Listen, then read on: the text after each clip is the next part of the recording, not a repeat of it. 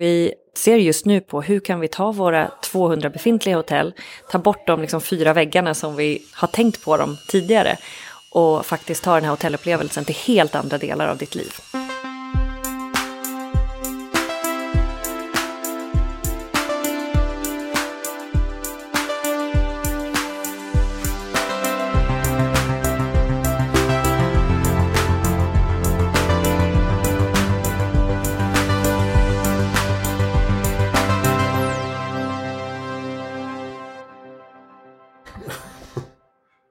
Det här är framtiden. Vi är på Breakits event Travel Tech 2019 på, eh, vad säger man, under stjärnorna? Stockholm under stjärnorna. Taket ovanför At Six och Hobo eh, på Brunkebergstorg. Fantastiskt trevligt. Och vi sitter här med Lisa Farrer. Välkommen. Tack så mycket, kul att vara här. Jag har alltid trott att det heter Lisa Farrar, men det är så inte.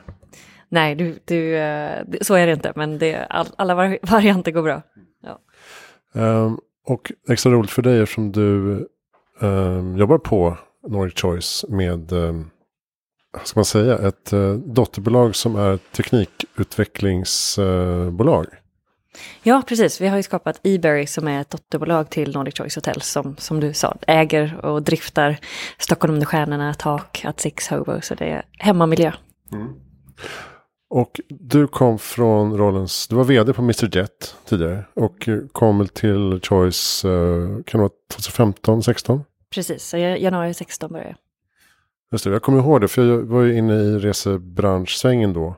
Uh, utgångspunkten kändes lite, som, lite grann som att här, Lisa, ta väldigt mycket pengar och bygg uh, framtidens uh, hotell av det. Ja, eh, det lät ju väldigt härligt den beskrivningen och lite så var det väl. Inte kanske framtidens hotell, men framtidens hotellupplevelse i alla fall. Så eh, uppgiften från Petter var att skapa världens bästa gästresa. Eh, väldigt ödmjukt sagt. Och för att göra det så skapade vi ett bolag eh, där vi la, eh, till att börja var vi väl 120 personer tror jag, nu har vi vuxit till nästan 200. Eh, så en ganska stor investering som, som du nämnde också, eh, mycket pengar att lägga både på att skapa teamet men framförallt att bygga en plattform plattform som vi ser kommer möjliggöra den här världens bästa gästresa som vi ser framför oss. Eh, så det var extremt spännande att komma från också ett eh, amerikanskt börsnoterat bolag. Eh, Eh, förvisso som vd för Norden, men ändå en väldigt liksom, liten geografiskt ansvar i ett väldigt stort börsnoterat bolag till ett norskt eh, bolag som är extremt dominanta på en relativt liten geografisk yta. Men också framförallt det här att det är privatägt är så otroligt stor skillnad från börs, börsvärlden som jag kommer ifrån. Eh, så väldigt spännande. Snabbare beslutsvägar. Eh, av flera saker. Framförallt skulle jag säga att eh, med börsnoterat bolag så spenderade vi en månad i varje kvartal med att rapportera. Eh, så du spenderar otroligt mycket tid på tillbakablickar, på hur har det gått. Eh, det andra är att du spenderar väldigt mycket tid på att leverera kortsiktiga resultat för aktieägarna. Eh, så du har mycket mer kortsiktighet i alla planer och investeringar som du gör. Eh, nu är vi privatägt med en ägare som dessutom är extremt eh, riskbenägen, eh, nyfiken på framtiden och en eh, vilja att investera i möjligheter. Eh, där vi spenderar väldigt lite på att titta tillbaka på vad som har hänt. Vi tittar mycket mer på framtiden. Eh, och vi har fått en investering för att bygga en möjlighet. Vi har inte kunnat definiera exakt vad den möjligheten kommer ge för ROI eller hur den ens kommer se ut. Bara att vi har en extrem tro på att det här med att äga kunden och gästen framöver blir otroligt viktigt. Att skapa en direkt dialog med gästerna är det som vår framtid egentligen vilar på för att kunna leverera upplevelser. Och då genom att skapa en plattform så får vi möjlighet att connecta med våra gäster på ett annat sätt, innovera och leverera eh, lösningar eh, som är bas baserat på vad våra gäster förväntar sig, vilket vi tror är helt annorlunda än vad vi är i dagsläget. Ehm, och just den, för att koppla tillbaka till din fråga, möjligheten med att det är privatägt och vi kan ta de riskerna, eh, ser jag som väldigt annorlunda än vad jag upplevt tidigare. Vad är det ni har gjort rent konkret då? Ni sa 200 personer som jobbar med det här teknikbolaget och ni har haft nu 3-4 år vad, vad har ni gjort på den tiden? Ja, precis. Så vi, vi sysslar inte bara med teknik, utan vi har faktiskt också ansvar för eh, kundtjänst som är extremt analogt, men som vi ser som väldigt viktigt för liksom, digitala transformationen som vi är på. Få med oss gästerna och verkligen eh, utveckla utifrån och in, alltså förstå vad gästerna behöver. Och då är kundtjänst ett fantastiskt eh, team att vara nära. Men vi har också marknadsföring, eh, lojalitetsprogram, e-commerce, eh, distribution, så försäljning indirekt. Och sen har vi utvecklingsdelen. Då. Så vi betydligt mer än bara utvecklare, men en stor del har varit det. Så de senaste eh, nästan fyra åren så har vi byggt en plattform eh, där vi har lanserat flera olika typer av eh, digitala möjligheter. En sån är appen eh, som vi har, som har eh, varit nedladdad, eller är nedladdad Eh, relativt mycket. Eh, och framförallt så är den väldigt använd av våra lojala medlemmar. Och där kan man, eh, man kan boka sin resa, man kan välja sitt rum, vilket är först i norra Europa med att kunna göra. Än så länge är på två hotell, Clarion Sign och Clarion Stockholm. Men det här kommer skalas upp till majoriteten av våra 200 hotell inom en snar framtid. Det, så det är väldigt spännande. Men du kan även checka in, du kan chatta med personalen, du kan checka ut, beställa room service. Så verkligen en, en kompanjon på resan eh, som gör, vi ser den som antingen att den gör resan enklare eller bättre, eller förhoppningsvis båda, båda två. Då. Så det är en, ett exempel på världens bästa gästresa så som vi ser på den nu. Sen vet vi att vi kommer, vi blir aldrig färdiga och det kommer krävas betydligt mer framöver, men där, där är vi i dagsläget. Men du sa också på ett framförande, eller det var en Q&A med Fritte Fritzson på Breakit-scen här. Att eh, det svåra trodde ni var att bygga appen, men det var inte det, var inte det som var svårast. Det svåraste är för folk att använda den och få hotellpersonalen att, att förespråka appen. Och eh, ta bort sig själva lite grann, ta ett steg tillbaka. Hur ser du på den utvecklingen? Ja, precis. Vi var nog extremt naiva i hur vi såg på det. Vi trodde att, och vi har kom komplexa legacy-system. Men att bygga teknologin var inte Eh, komplicerat. Komplext men inte komplicerat. Så den har vi liksom, den har vi, den jobbar vi fortsatt på, men den, den känner vi att vi har eh, kontroll på. Men den här eh, personliga förändringen, eh, det innebär att eh, våra resenärer är helt digitala. Eh, vi ser att gästerna älskar det och vi har liksom mer nedladdningar och användningar än vad vi trodde. Men att få receptionisterna och hotellcheferna att eh, tycka om det här och anamma det och förstå vilka möjligheter det faktiskt ger dem. Eh, jag tror inte i framtiden att vi kommer ha en receptionsdisk. Eh, för våra gäster kommer inte behöva checka in så som man har checkat in tidigare. Flyget har ju liksom gjort det här i flera år framöver. Vi är faktiskt lite sena jämfört med dem. Och våra fantastiska medarbetare på hotellen kommer kunna spendera tiden på helt andra saker som är mycket mer värdeskapande för våra gäster. Att, att behöva checka in och checka ut är ju inte någonting man värdesätter. Istället kunna få tips på vart du ska gå och käka eller vad är bästa liksom, transporten runt staden eller andra typer av eh, kvalitativa interaktioner tror jag kommer bli mycket viktigare framöver. Men att få med oss eh, 16 000 anställda på den förändringen var vi extremt naiva i att tro att vi skulle liksom, lyckas med. Så nu har vi behövt se på helt andra lösningar för att eh, lyckas. Mm. Det kräver också liksom kompetensutveckling på ett sätt. Det, absolut, det krävs en, en förståelse rent basic teknikmässigt hur det fungerar. Men också en, en förståelse för hur, hur skapar vi värde för våra gäster. Det är inte längre att checka in dem utan vi skapar värdet på ett helt annat sätt. Så det är ju en, en eh, förändringsarbete tror jag som är extremt viktigt och som säkert massor med branscher går igenom. Just det digitala skiftet kommer. Hur har det gått med eh, rumsnyckel i appen då? Ni hade något projekt där ni låste upp eh, 2000 dörrar samtidigt? Eller Ja, precis. Vi satte faktiskt världsrekord i januari i år då vi eh, låste upp de flesta antal dörrar på under två dagar. Eh, så du kan ju nu eh, använda appen som nyckel till rummet, eh, vilket är fantastiskt om man tappar den eller liksom, den medför ju väldigt lite värde egentligen. Eh, så det har vi lanserat på ett 30-tal hotell nu eh, och det ska upp på flera. Det är en investering i hur nyckellåsen fungerar. Eh, det är därför vi inte har skalat upp det ännu mer. Eh, vi ser att våra gäster, när man använt den en gång så vill man inte gå tillbaka till en plastnyckel. Har man plastnyckel också? Ja, absolut. För inte alla gäster kommer ha appen. Så det finns alternativ med plastnyckel också. Men från ett miljöperspektiv så är det bättre. Från ett gäst, vi ser att gästerna är mycket mer nöjdare när de använder den. Så från det perspektivet så är det en succé. Men nu behöver vi skala mer på det. Ibland när man pratar om framtidens hotell så, så är det liksom eh, som du nästan var inne på där med att det är i princip personaltomt. Men, men det menar att dit kommer vi aldrig komma. Utan man vill ha sin eh, hotellpersonal på plats? Jag tror det helt beror på vilket typ av hotell du har. Vi har ju en kedja som heter Comfort. Eh, fantastiska citylägen, eh, men en enkelhet när du kommer dit. Där tror jag att personaltätheten eh, kommer minska och vi kommer erbjuda andra tekniska lösningar. Eh, här där vi sitter på At Six, eh, som är ett femstjärnigt hotell med väldigt ehm, eh, väldigt fokus på att leverera personliga upplevelser. Där tror jag att personaltätheten kommer vara detsamma, men att man har möjlighet att fokusera på helt andra typer av interaktioner. Du nämnde också i förbifarten eh, ansiktsigenkänning som en potentiell teknik. Eh, alltså face recognition och eh, att man då kan skräddarsy eh, för respektive gäst. Man vet eh, att det är en återkommande gäst och man kan eh, fylla minibaren eller ta fram favoritkudden eller sådär. Och man kan även kanske screena att man ser att oj nu kommer faktiskt Ulf Lundell här in, eh, innan personalen ser det. Så kan man eh, veta att nu, nu är det ett special treatment. Ni nämnde också att det, det, det är svårt ur integritetssynpunkt att, att uh, rulla ut sånt där. Men uh, ser du några tendenser på att det kan gå att uh, Eh, använda den tekniken?